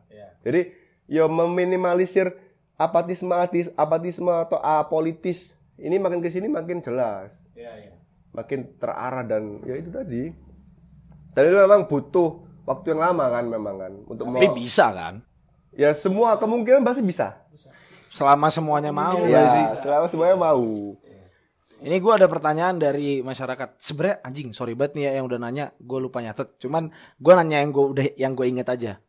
Eh ada salah satu yang nanya, tapi dia nanya eh, spesifik ke PMP. Dia nanya perkara SK Dikti yang sudah dicabut. Itu berarti landasan kalian apa lagi? Ini gue beneran ada yang nanya demi Allah. Tadi gue nunjukin belum sih? Iya kan? Ada. Tapi gue gue lupa nge-screenshot. Iya gue lupa nge-screenshot. Anjing lupa banget gue. Dia nanya perkara SK Dikti yang sudah dicabut berarti kan eh, golongan golongan ini boleh nih mereka di, di kampus jadinya. Yang SK Dikti itu dicabut. Iya Omek maksud gue. Nah eh, jadi stand kalian untuk menentang Omek apa lagi sekarang? Oke. Hmm. Aku coba jawab Bang. Ya silakan. Eh, sebenarnya untuk SK Dikti dicabut itu kan eh udah sempet kita bahas juga dari sisi partai. Nah, eh sebenarnya kan sampai sekarang juga masih terjadi kekosongan hukum kan karena belum disahkan si peraturan menteri yang tentang UKM PIB. Jadi ada tuh Bang namanya eh, UKM PIB itu Oke. Nah, Heeh. Yang sependek pengetahuan aku sih di dalam UKM PIB itu OMEK itu diperbolehkan masuk Heeh. di dalam UKM PIB itu sebagai untuk menaungi bagaimana menanamkan ideologi Pancasila Iya. di kampus. Menegaskan itu. Nah, tapi kan yang kita soroti di sini adalah masalah politik kampus kan. Oke. Yang aku tangkap di sini ketika dikti itu pun dicabut, itu tidak bisa disebutkan bahwa OMEK tetap bisa berpolitik di dalam kampus. Misalnya seperti itu. Karena ketika UKM eh, si SK dikti dicabut dan misal digantikan dengan UKM PIB ini, maka OMEK itu akan masuk ke dalam kampus sebagai UKM PIB, Oke. bukan sebagai organisasi mahasiswa ekstra kampus. Oh, cuma beda nama aja berarti kan? eh bisa dibilang gitu tapi fungsinya juga berbeda bang karena ketika ada UKM PIB ini eh, maka UKM PIB ini akan berfungsi sebagai naungan dari omek-omek dalam UKM PIB yang istilahnya dinaungi atau bekerja sama lah untuk menanami ideologi Pancasila yang lebih kepada mahasiswa di dalam kampus. Oke, berarti stand kalian tetap eh maksud gue kalian tetap menentang Omek di kampus. Silakan. Aku mau teman gini sih. Gimana? Pertama, kalau misalnya dibilang dibilang PMP itu AO, aku sebenarnya aku ini aja sih agak kurang sepakat aja sih, kurang sepakat. Tapi PMP itu AO kan? Gini ini mau aku jelasin. Oke oke oke. Sorry, sorry, sorry, sorry, sorry. PMP ini berdirinya sebagai partai, Oke partai mahasiswa pinggiran. oke Yang notabene ini yang emang fokus ke perpolitikan kampus, oke bukan sebagai anti omek. oke. Hanya slogannya Seno to Omek karena apa? Karena emang ada beberapa beberapa yang dilakukan oleh Omek emang nggak kurang disepakati sama PMP. Oke. Makanya slogannya Seno to Omek. Iya. Bukan dia menyatakan diri sebagai anti Omek. Kalau di saat kita menyatakan diri sebagai anti Omek, yang dikatakan anti itu apa sih? Tidak ingin sama sekali ibaratnya menyentuh atau bekerja sama atau bagaimanapun. Oke. Not abis itu kalau misalnya dibilang berpolitik ya berpolitik jelas di politik itu ada apa aja ada namanya perpolitikan itu ada namanya kayak semisal kampanye Ah, koalisi dengan ah, ini, ah. ini ini ini dan itu memang jelas dan notabene PMP ini sebagai partai politik bukan sebagai anti omek beda malah aku lihat di OA OA lain OA OA lain Oke. emang yang menyinggung AO ini mereka menyebutnya AO garis miring PMP Oke. dan itu aku lucu kenapa PMP ini kan dimasukin AO aja kalau misalkan emang mereka menyatakan ini menyatakan ini apa? Menyatakan ini anti omek. Dan aku lucu lagi sekarang beberapa orang beranggapan bahwa anti omek ini disamakan dengan omek. Karena apa? Karena berpolitik di kampus. Oke. Jadi enggak maksud gue berarti ini yang gua garis bawahi berarti lo bilang PMP itu bukan AO ya? Dibilang AO juga bukan. Soalnya kan maksud gua stigma masyarakat ini PMP itu AO. Dia menentang keras sekali Omek gitu. Menentang keras omek. Iya. Kalau misalnya bilang menentang keras omek, enggak sih. kok. Yang kemarin FOB, Bang Irfan naik sama wakilnya. Sama iya. Itu junior SMA gue. Iya. Si Yuris iya. Kami kan dia. Harusnya dia datang nih tapi lagi ada acara tadi katanya. Itu yang lucu yang makanya yang notabene di sini mereka memframekan PMP ini sebagai anti omek yang sangat anti banget sama omek. Yang notabene nggak mau bekerja sama. Oh berarti sebenarnya nggak nggak nggak segitunya lah ya. Iya karena sudah jelas nama ini partai mahasiswa, partai partai politik.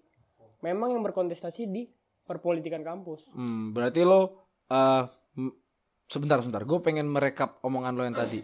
Eh, say no to Omek itu artinya Senotomek ini Senotomek ini bisa dibilang bukan anti omek. Oke. Seno to omek oke. yang dimaksudkan di sini senotomik ini bukan ini lebih ke gak, gak kurang sepakat sih sama yang namanya kebijakan-kebijakan atau apa yang dilakukan sama Omek ini. Contoh? Ya contohnya aku bisa kulihat yang gak sepakat sama Omek ini ya. Hmm, hmm, hmm. Contohnya ini banyak sih.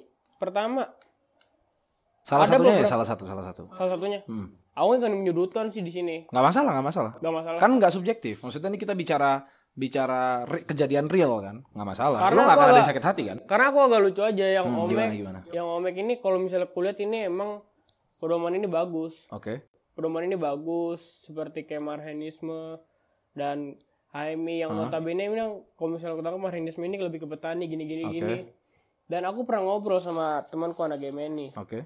kutanya ideologi GMNI itu apaan sih landasan landasan untuk bergerak itu apaan sih marhenisme marhenisme itu apaan? Kutanya Hmm. marhenisme itu ini lebih ke masalah suka yang dulu Soekarno menemukan petani bang ya? Menemukan petani namanya Pak Marhen yang dia lebih ke ke peta ibaratnya dia lebih mendukung apa yang dilakukan oleh petani lah. Membantu apa yang dilakukan petani. Tapi yang ku kurang sepakat sini ini kurang sejalan. Buat apa mereka yang ber yang notabene berideologi Marhen yang notabene membantu petani secara general nih aku bahas secara general nih aku dia ingin membantu petani tapi tujuannya apa berpolitik di kampus Tapi bener nggak itu? Yang ideologi yang dibilang itu. Marxisme sebenarnya ada beberapa tafsiran. Eh, kalau yang saya pahami sendiri adalah Marxisme adalah ideologi Nah, tapi bener Marxisme itu yang dianut sama GMNI. benar. Bener, oke. Tapi eh, coba menje- menjelaskan ya. Eh, ideologi yang eh, tidak menginginkan adanya penindasan terhadap kelompok orang atau makhluk apa pun. Itu intinya Oke. Marxisme. Oke, cuman dalam konteksnya ini petani Eh, kebetulan pada saat itu. Itu mungkin ada beberapa cerita memang terkait Marxisme ini. saya. Oh, Oke, Gitu. oke, oke, oke. Terus eh, kenapa kok kita bantu petani terus kita berpolitik? Eh, kita politik kampus ini sebenarnya tujuan kesekian. Karena tujuan pertama kita adalah eh, yang pertama pembelajaran ideologi, kedua membantu dan menidakkan atas ah, tidak adanya penindasan-penindasan gitu loh, Mas. Oke, oke. Dan ketiga Akhirnya mungkin membantu masyarakat, kampus gitu sosial ya. kontrol juga. Iya, iya, iya. Oke, oke. Nah, itu pertanyaan satu udah terjawab lah ya. Berarti sebenarnya PMP tidak anti tidak anti Omek, cuman dia eh, menentang beberapa hal yang dilakukan oleh Omek. Cuman gue pengen ini pertanyaan pribadi nih. Kalau misalkan katakan gue bilang say no to narkoba, berarti gue anti narkoba gak sih? Misalkan, misal saya nuntut narkoba nih. Ya misalkan kayak gue bilang say no to narkoba, gue bener-bener bilang say no to narkoba. Berarti gue kan berarti gue gue anti narkoba kan? Maksudnya gue, gue gak menyentuh narkoba gitu. kalau misalnya aku baca bang ya. Kenapa narkoba ini dilarang? Karena narkoba ini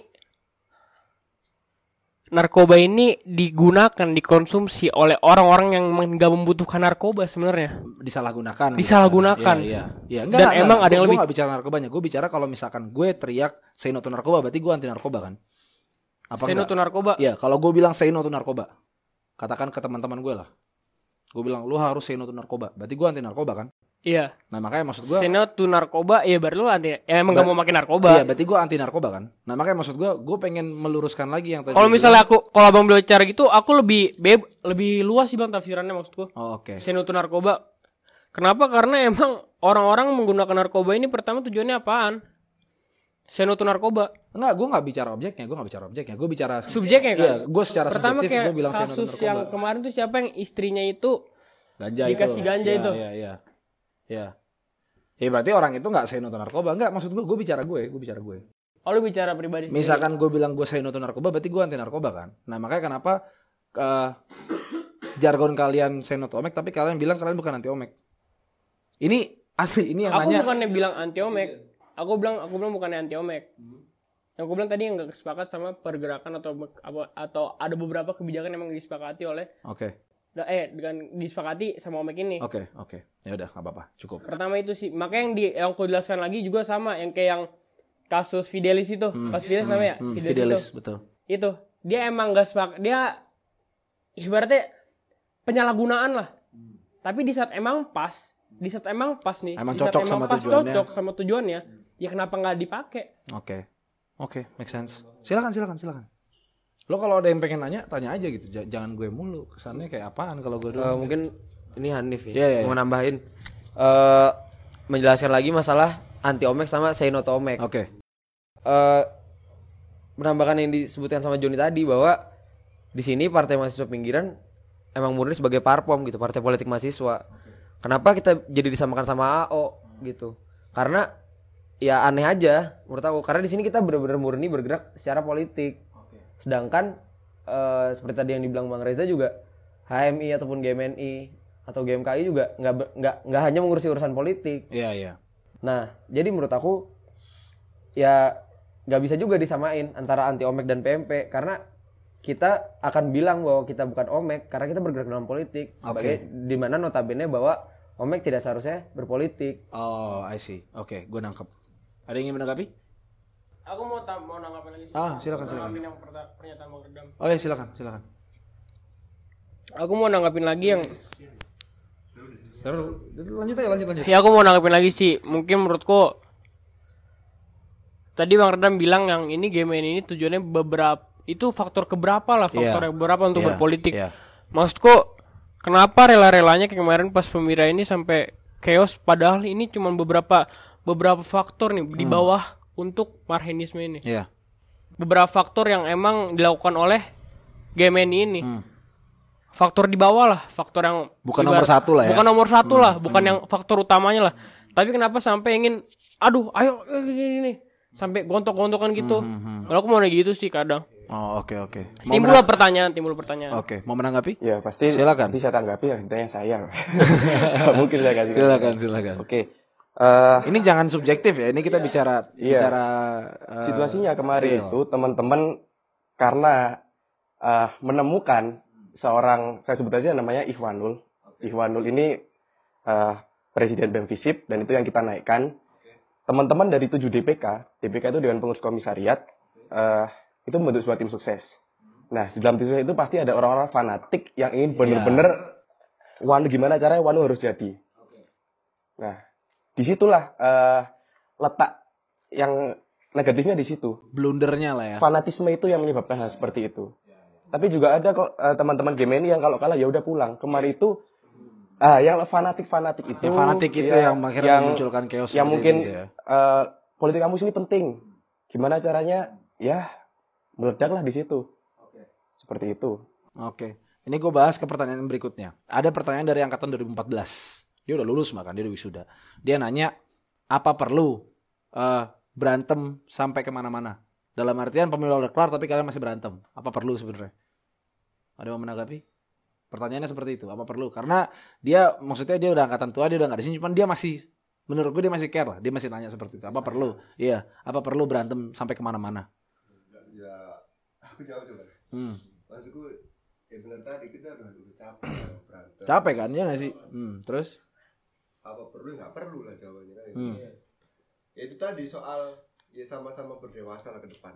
Oke. pesanku itu dan eh, sama-sama bisa saling menerima begitu kan sama-sama Hmm. bisa saling Hmm. enak satu sama lain Hmm. apa ya mungkin aku nanggapnya bahwa ya balik lagi soal soal pendidikan politik yang Hmm. yang kita kita apa namanya kita harus sebagai masing-masing organisasi nih kan Ya. Sebagai ya itu tadi sebagai apa ya namanya sebagai organisasi ini ini ini, ini bahwa pendidikan politik itu ke arah mana Ya. Oke. ngomong perlu ya nggak perlu jawabanku Oke. Silakan. Ya. Eh, mungkin ini sih aku menambahin aja dari prinsip olahraga lah. Oke. Misal futsal. Kita musuh di lapangan. Selesai pertandingan prit prit prit. Selesai. Salaman anak futsal. Itu kan dasainnya, cuman dasainnya kan beda nih kita nih. Ya nggak sih Eva nih? Ya, Benar sebenarnya- kembalinya ke belum dewasa aja kita buat politik ya Iya. sih. Ya menurut aku menyambung yang omongan Bang Reza bener tadi tentang bahwa kedewasaan politik itu akan tum- tumbuh seiring dengan pendidikan politik yang baik. Oke. Oke, let's say kita uh, sepakat untuk bikin pendidikan politik. Itu tanggung jawab siapa? tanggung jawab bersama Enggak, maksud gua untuk membuat pendidikan yang secara formal. Bukan cuma sekedar kayak oke gua bakal mendidik adik-adik gue perkara politik. Enggak, gue pengen pendidikan formal secara keseluruhan itu tanggung jawab siapa? Presiden BMK, DPMK, Dekankah, atau gimana? Maksud gua kalau ada tanggung jawab presbem, ntar presbemnya siapa, ntar yang lain netting. Ah ini mah pendidikannya gini nih, ini mencorokan. ya. Makanya maksud gua ini harus a- apakah harus ada eh, iya harus apakah harus ada lembaga baru yang khusus hanya untuk pendidikan politik? Coba, coba. Gimana? Iya coba. Sebenarnya nggak usah jauh-jauh mau lembaga baru. Hari ini pun kita sudah menjadikannya sebagai pendidikan berpolitik. Iya. Itu yang pertama. Terus kedua, musyawarah ini bagus, tinggal difasilitasi aja sama pihak kampus sebenarnya. Oke, berarti ini gue mau mempelopori Ya, eh, soal apa namanya di kampus itu kemarin baru baru diresmikan mimbar Mimbar Demokrasi. Sumber demokrasi. Nah, itu tujuanku masuk di tujuanku tujuan mimbar demokrasi tujuan mimbar demokrasi itu kan sebenarnya kan ya, ya, itu, ya itu tadi untuk memfasilitasi pendidikan. teman-teman bicara soal apa pun lah gagasan atau apa pun yang termasuk nanti kalau misalnya ada konten soal pendidikan politik ya mau di sana. Tapi itu berhasil nggak? Maksudnya? Ya ini kan baru kemarin resmi kan. Ya itu kan maksudku adik-adik nih yang sama Iya. gitu. Oh, Kalau angkatan oke, kita nggak mungkin kayak. Oke. Karena maksudku ya, bicara angkatan saya, angkatan Mas Martin, angkatan Sudah Mas terlalu tua lah. Christian, Terlalu terlalu uzur. dan Mas Redam pun sendiri ya sudah terlalu Tapi Reda masih ada peran di Maksudnya dia masih ada umur lah di Eva. Iya, tinggal satu masih udah skripsian tau gak lo Udah gak harus ngurusin ginian Iya maksudku itu itu fas segala fasilitas itu yang diberikan kampus ya harapannya benar-benar dimaksudkan teman-teman yang di bawah gitu Ah, teman-teman ah, di ah. grassroots lah mahasiswa maksudnya Ah, ah. Ya lagi-lagi ini PR buat adik-adik juga kan. Karena kan yang Yang bakal memiliki apa namanya masa depan nanti. oh ya mela- untuk melanjutkan estafet. Ini kan ya adik-adik. Makanya PR untuk adik-adik adalah bagaimana caranya mewujudkan politik yang dinamis tapi baik. Tujuannya tercapai. Dan kuranginlah fanatisme terhadap apa satu organisasi teman-teman ini. Maksudnya kita kurangin fanatisme ketika pemiluan dan memang ketika ada yang sudah terpilih entah itu jadi presbem cara kita untuk mendukung bagaimana berjalan dengan baik adalah kalau di politik nasional kan oposisi itu untuk menyempurnakan untuk gimana ya apa namanya? Untuk menyeimbangkan. Menyeimbangkan. Kalau misalkan memang si pemerintahnya Ada yang ada yang salah. salah, ada yang Ya. kurang dikritisi. Ternyata harus kayak gini-gini kurang. Nah, pemerintah bisa mewujudkan seperti itulah dinamismenya. Seharusnya seperti itu Harusnya ya. seperti itu. Makanya perlu dikurangi fanatisme dari organ-organ tertentu. Mau nanggapin ya? Iya ya Kalau aku nanggapin bukan tu, tuga- bukan PR ada di kita. Tapi ini tugas kita untuk menge- untuk membimbing adik-adik kita. Untuk mempelopori Iya.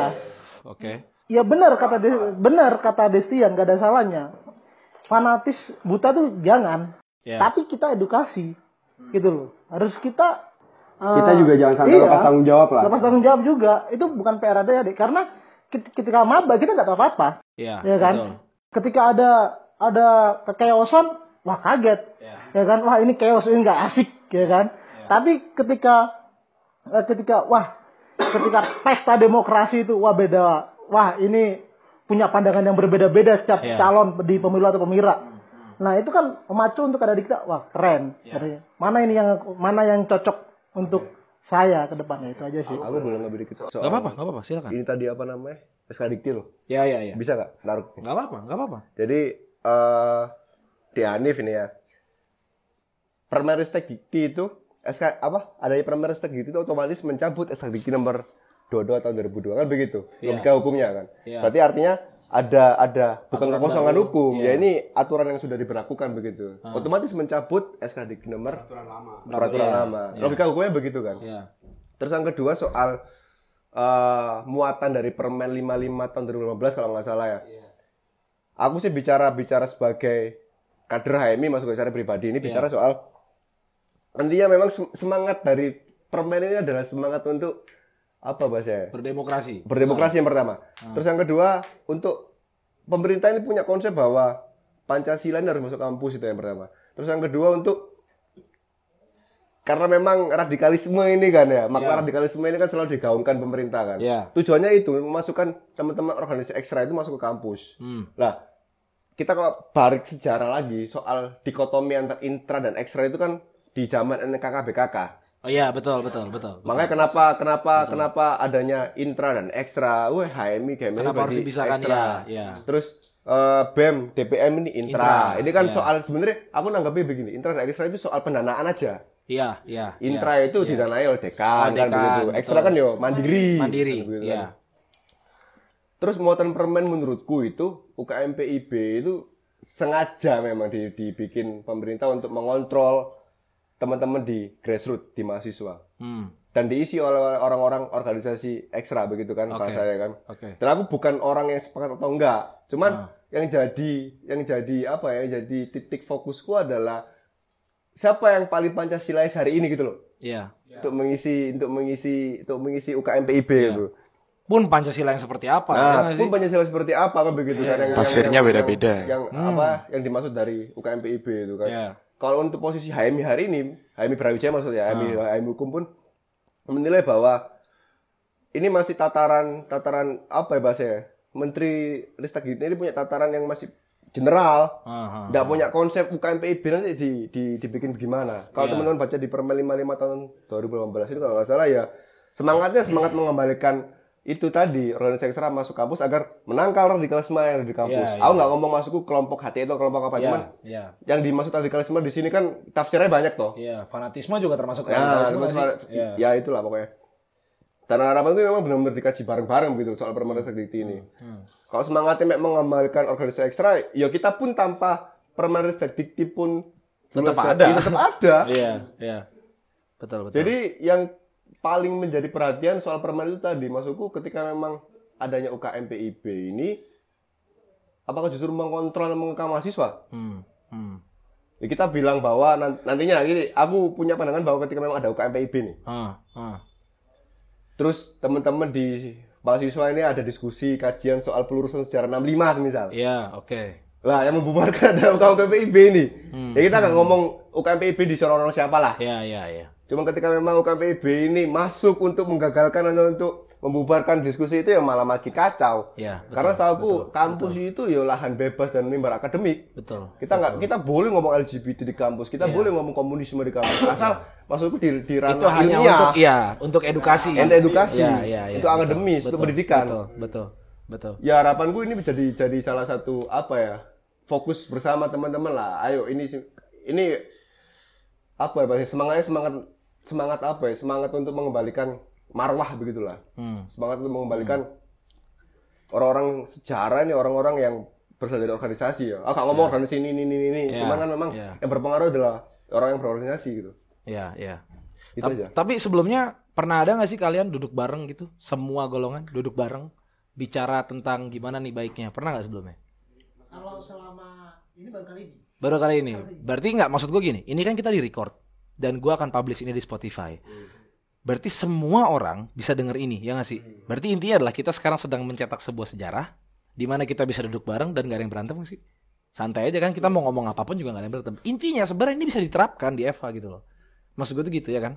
Nah maksudnya gue pengen nantang kalian semua. Lo punya tanggung jawab ke adik lo, lo punya tanggung jawab ke adik lo, lo punya tanggung jawab ke adik lo, lo punya tanggung jawab ke adik lo nanti, lo juga punya tanggung jawab ke adik lo. Lo bisa nggak sekarang kalian memastikan pemilu berikutnya atau setahun setahun eh, 10 20 tahun berikutnya nggak akan ada yang berantem lagi. Karena kita udah bicara ini. Maksudnya kalau katakan nanti ada eh, adik-adik kalian yang fanatik gitu lah ya atau suruh dia dengerin podcast ini, suruh dia dengerin nggak maksud gua suruh dia dengerin obrolan ini, ya nggak masalah. Eh acara-acara gue. Lagi-lagi akan kembali ke perut. Kalau udah profit jangan lupa diundang.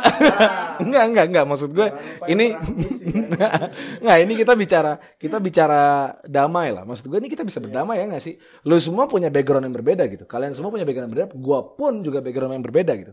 Tapi kita bisa santai-santai aja ngobrol. Kita bahas tentang politik kita bahas tentang pemilu kita bahas DPR dan segala macam. Dan gak ada yang ribut. Lantas kenapa harus ribut gitu? Sebenarnya begini, apa? Aku nanggapin dikit. Upaya-upaya informal masukku ya, upaya-upaya di luar formal itu sudah pernah kita lakukan lah masukku kan. Aku ya sering lah intens komunikasi dengan teman PMP ngopi Iya, atau apa pun. iya, iya.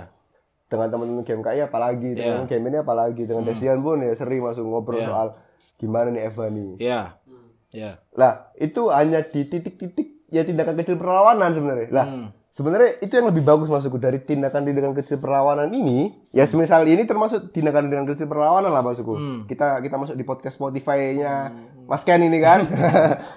ini termasuk tindakan-tindakan kecil yang berimpact besar masih ke adik-adik nanti. Hmm. seharusnya Seharusnya begitu. Revolusi kan bukan dari hal besar. Iya dari hal kecil kecil, Iya. kecil jadi satu yang besar. Iya Kalau upaya-upaya sebenarnya soal lagi ini soal komitmen nanti lah ya Uwe. Hmm. Soal komitmen di pemilu apakah bisa damai? Bisa. Di informal pun ya kayak gini bisa. Kenapa formal nggak bisa? Nah begitu? iya, makanya maksud gue, gue nantang kalian semua. Ini ntar kalau misalkan katakan ya pemilu November November lagi kan? Eh apa? Iya November lagi kan?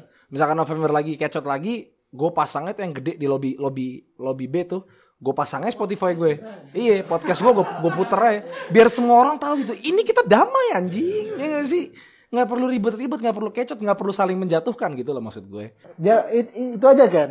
Jadi ntar mau menjelang November ceria, hmm? kirim ke kita kita ini, sebarkan ke organisasi suruh masing-masing. sebarin semua ya nggak apa-apa gue yang dapet cuan ya kan gue yang dapet cuan Bikin kayak kayak berarti.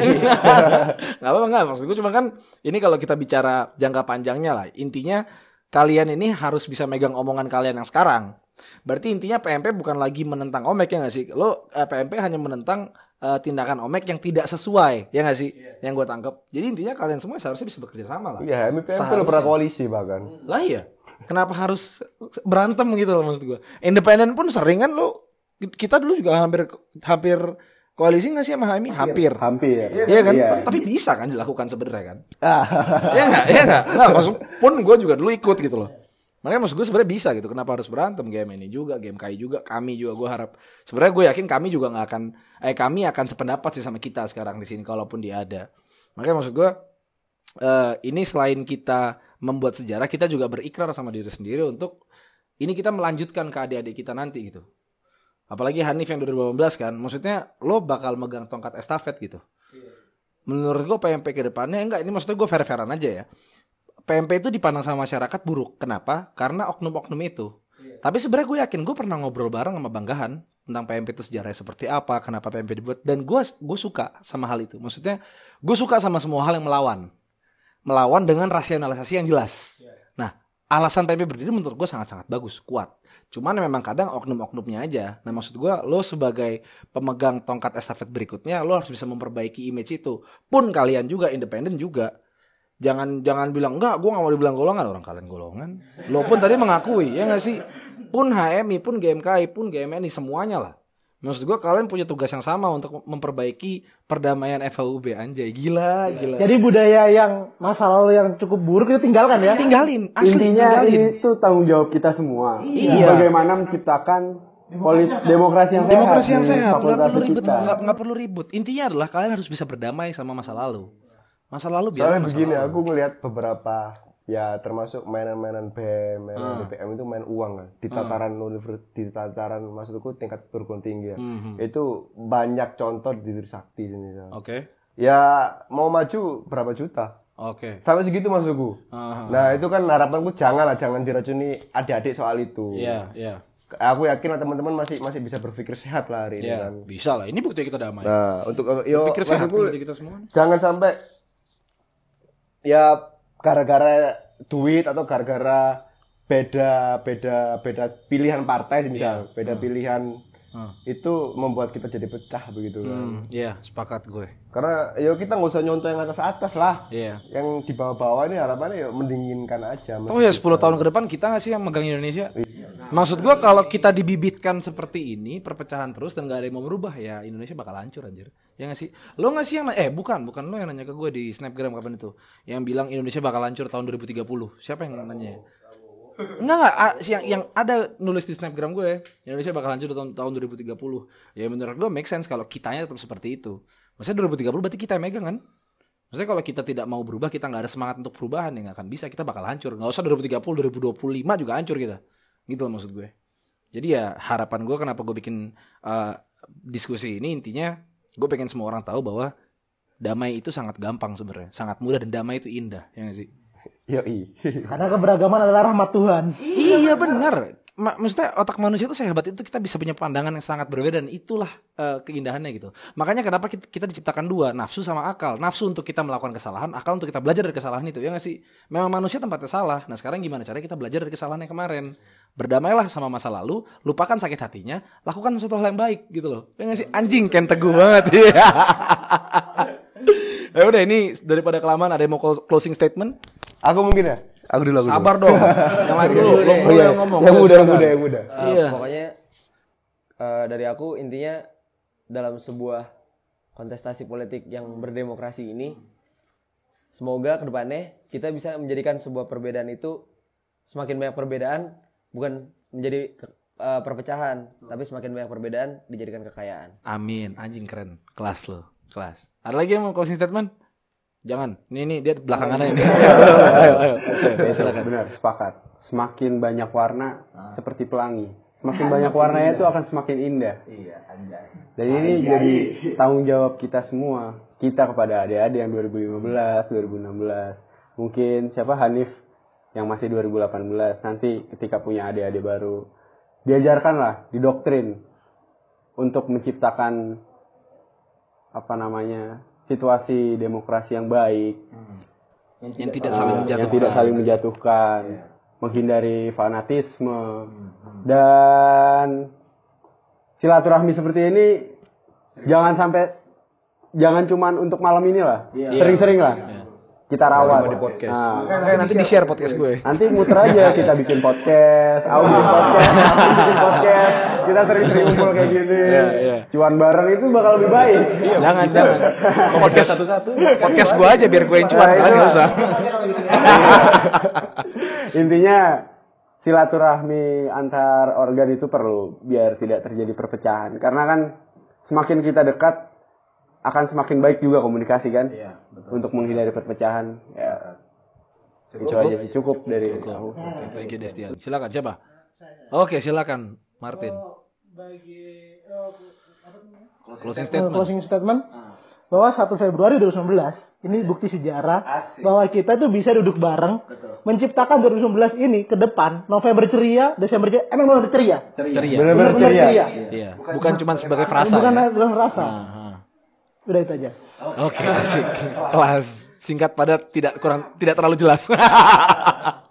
Lanjut, siapa? Aku aku jujur ya. Silakan, silakan. Eh, sebel- sebelumnya mau nggak mau sebenarnya manusia itu pasti dan pa- pasti dan bisa berpolitik. Itu pasti. Yang mau saya tekankan berpolitik secara sehat jangan membabi buta. Yang penting itu kerukunan kelonan dan persaudaraan. Gotong royong. gotong royong. Ya karena intinya politik sebenarnya kita ingin memajukan level lebih baik gak sih? Tujuan kita semua sama, kenapa kita harus nyari perbedaan nih gitu. kalau di game KI kan berpolitik untuk melayani. Anjay, lu soft selling. Boleh, boleh soft selling nggak apa-apa lah terserah. Cukup? cukup Oke, ini terakhir nih yang ngomong mulu dari tadi. Silakan terus ya. UB satu UB 1. Ayo lanjut silakan. Closing statement. Buta terburuk adalah buta politik. Anjay. Oke. Jadi teman-teman ini untuk untuk masukku secara keseluruhan ya. Iya, iya. Jangan buta dengan politik karena sejatinya kita ini makhluk politik. Iya. Zone politikon kan begitu. Ya. Saya tulis. Harapannya teman-teman sama-sama bisa bersinergi, sama-sama seling, sama-sama sering apa bahasa sering diskusi atau ngobrol ini. Hmm. Ini kan artinya kan ada perspektif baru, ada Iya. pandangan baru dan Betul.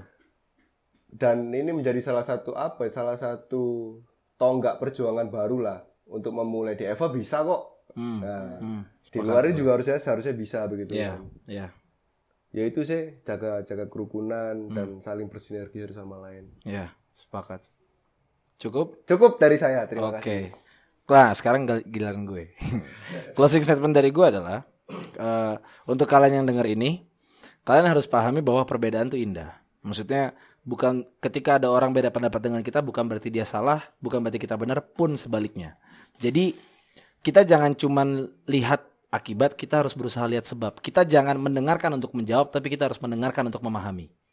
Jadi kita akan saling lebih rukun karena kita memahami satu sama lain bukan eh, bukan isinya pengen berantem berantem berantem terus enggak kok. Kita Homo sapiens tuh kita bisa meng ada lo pernah baca bukunya Yuval Noah Harari nggak?